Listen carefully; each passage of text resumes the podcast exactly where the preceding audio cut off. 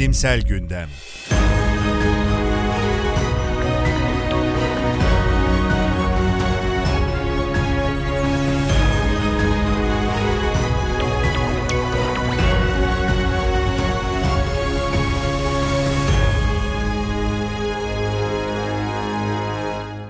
Abdi İbrahim'in hazırladığı Bilimsel Gündem'e hoş geldiniz.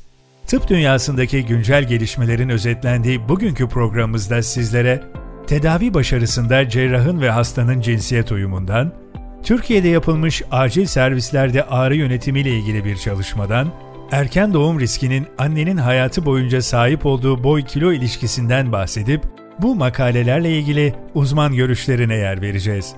Ve ardından iz bırakanlar köşemizde Türkiye'de radyoloji alanında öncü çalışmalar yapmış olan Friedrich de Sauer'ı tanıyacağız. Başlıyoruz. İlk haberimiz cerrah hasta uyumu ile ilgili. Acaba cerrah cinsiyeti ve hasta cinsiyeti kombinasyonu ameliyat sonucunu etkiliyor mu sorusuna bilimsel bir yanıt aranmaya çalışılmış. JAMA Surgery dergisinin Aralık sayısında Christopher Wallace ve arkadaşlarının bir çalışmasına yer verildi. Bu çalışmada cerrah ve hasta cinsiyetlerinin ameliyat sonrası sonuçlara etkisi araştırıldı. Kanada'da gerçekleştirilen araştırmada elektif ve acil cerrahiye alınan 1 milyon 320 bin 100 hastanın verisi incelendi. Çalışmada 2937 cerrahın verisi ele alındı. Çalışmaya dahil edilen hastaların yaklaşık %46'sı cerrahlarıyla aynı cinsiyettendi. Diğer grupta ise %93 kadın hasta erkek cerrah tarafından ve %7 erkek hasta kadın cerrah tarafından tedavi edilmişti. Kadın hastaların erkek cerrahlar yerine kadın cerrahlar tarafından tedavi edildiklerinde daha olumlu sonuçlar alınabileceği gösterildi. Erkek hastalarda ise kadın ya da erkek cerrahlar tarafından yapılan tedavide farklılık gözlemlenmedi. Bu konuda Sağlık Bakanlığı Ankara Eğitim ve Araştırma Hastanesi Nöroşirurji Kliniği eğitim sorumlusu doçent doktor Yavuz Erdem şunları ekledi. Öncelikle çalışmayı kavramsal olarak ilginç bulduğumu söyleyebilirim. Her ne kadar değişik branşları içine aldığı görülse de alt gruplara bakıldığında branşa göre sonuçların fark edeceği muhakkaktır. Kadın hastaların erkek cerrahlarca tedavi edilmesinin daha olumsuz istatistiklere sahip olduğu da bunun bir göstergesidir. Genelleme yapmak mümkün değildir. Bizim nöroşirurji pratiğinde buna ait bir gözlemimiz yok. Branşımızda kadın cerrah sayısının daha az olması da aslında bu karşılaştırmayı güçleştiriyor. Ayrıca çalışma Kanada'da yapılmış. Türkiye'de yapılmış bir çalışmada aynı sonuçları yansıtır mı net cevap vermek mümkün değil. Bu tür demografi endeksi çalışmalarda ülkeleri bırakın bölgesel olarak bile farklılıklar görülebilmektedir. Ancak yine de bir bakış açısını ve verileri ortaya koyması açısından ilginç bir çalışma. Daha detaylı analizlerin bize daha enteresan sonuçları vereceği aşikardır.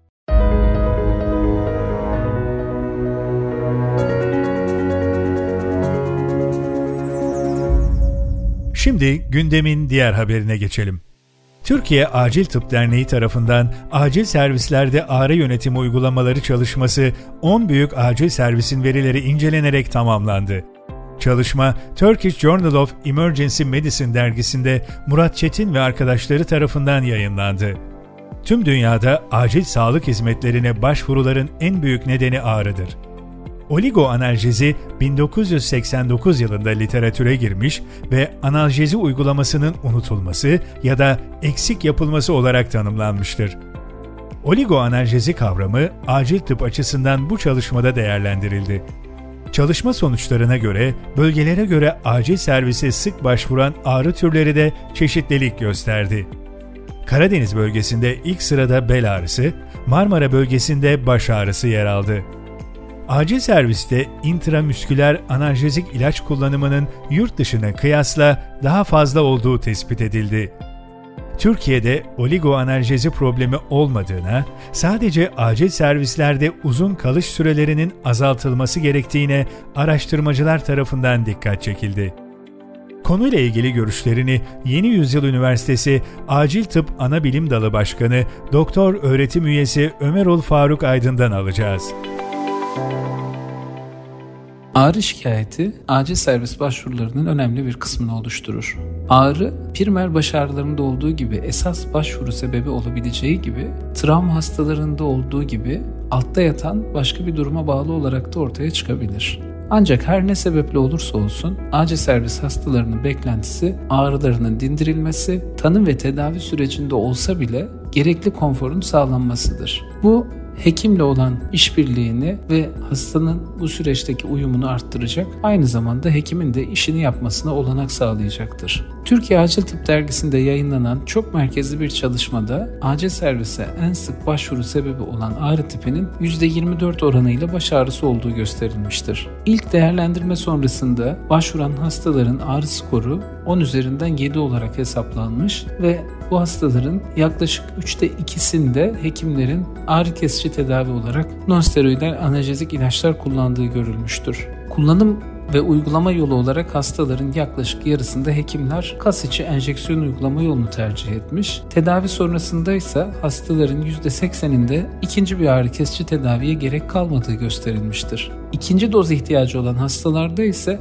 hekimlerin ağrı kesiciyi reçete etmek yoluna gittikleri gözlenmiştir. Hastaların ve doktorların ağrıya ilişkin davranışlarının incelendiği bu çalışmanın sonuçları da oldukça dikkat çekici. Hastaların eğitim düzeyi düştükçe doktor tavsiyesi olmadan ağrı kesici kullanımının ve acil servise başvuru oranlarının arttığı gözlenmiş. Diğer taraftan non-steroidal ilaçların literatürün aksine kas içine uygulanma oranlarının da çok yaygın olduğu gözlenmiştir.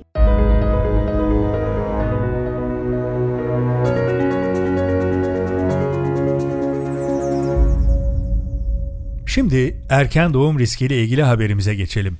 Bu çalışma saygın dergilerden biri olan The American Journal of Clinical Nutrition'da Dorte Pedersen ve arkadaşları tarafından yayınlandı. Yapılan araştırmada kadınlardaki doğum ağırlığının, çocukluktaki boyun, vücut kitle indeksinin ve gebeliğe kadar bu parametrelerdeki değişimin erken doğum riskine etkisi incelendi.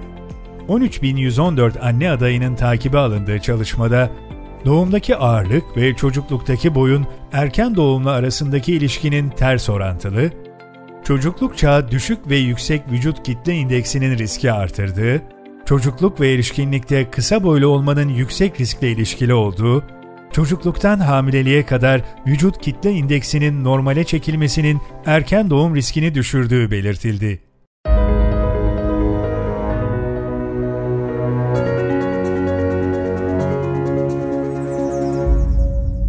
Programımızın son kısmında Türkiye'de radyoloji alanında öncü çalışmalar yapmış olan Friedrich Dessauer'i tanıyacağız.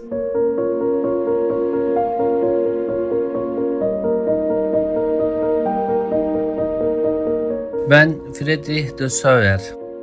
1881 yılında sanayici bir çiftin 10. çocuğu olarak Almanya'nın Rhein-Main bölgesine dünyaya geldim. O malum X ışınlarının tıbbi kullanımının öncelerinden biriyim. Gençliğimden itibaren bilimsel ve tıbbi araştırmalara, özellikle Wilhelm Röntgen tarafından 1895'te Würzburg'da keşfedilen X ışınlarına ve bunun tıbbi kullanımlarına merak duydum. Ne yazık ki X ışınlarının kullanımı ile ilgili araştırmalarım sırasında radyasyon hasarı yüzüme ciddi şekilde zarar verdi ve çok sayıda plastik cerrahi ameliyatı geçirmek zorunda kaldım. 1933 yılında ülkemdeki siyasal yapı nedeniyle görevlerimden alındım ve 1934 yılında sürgün olarak Türkiye'ye geldim. İstanbul Üniversitesi'ne radyoloji ve biyofizik profesörü olarak atandım. 1934'te İstanbul Tıp Fakültesi'nde Radyoloji Enstitüsü'nün ve Biyofizik Enstitüsü'nün kurulmasında rol oynadım. 1948 yılında ülkeme geri dönebildim ancak 1963 yılında radyasyonun verdiği hasarlar nedeniyle aranızdan ayrıldım.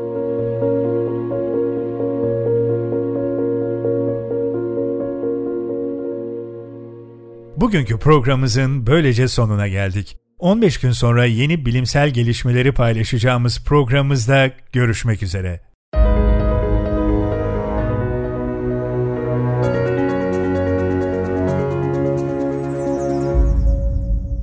Bu program Abdi İbrahim İlaç Sanayi Medikal Direktörlüğü tarafından hazırlanmıştır. Programda bahsi geçen makaleler ve yorumlar Abdi İbrahim İlaç AŞ'nin görüşünü yansıtmamaktadır. Yayınlanmış bilimsel makalelere atıf yapılmıştır. Detaylı bilgiye www.abdiibrahim.com.tr adresinden ulaşabilirsiniz.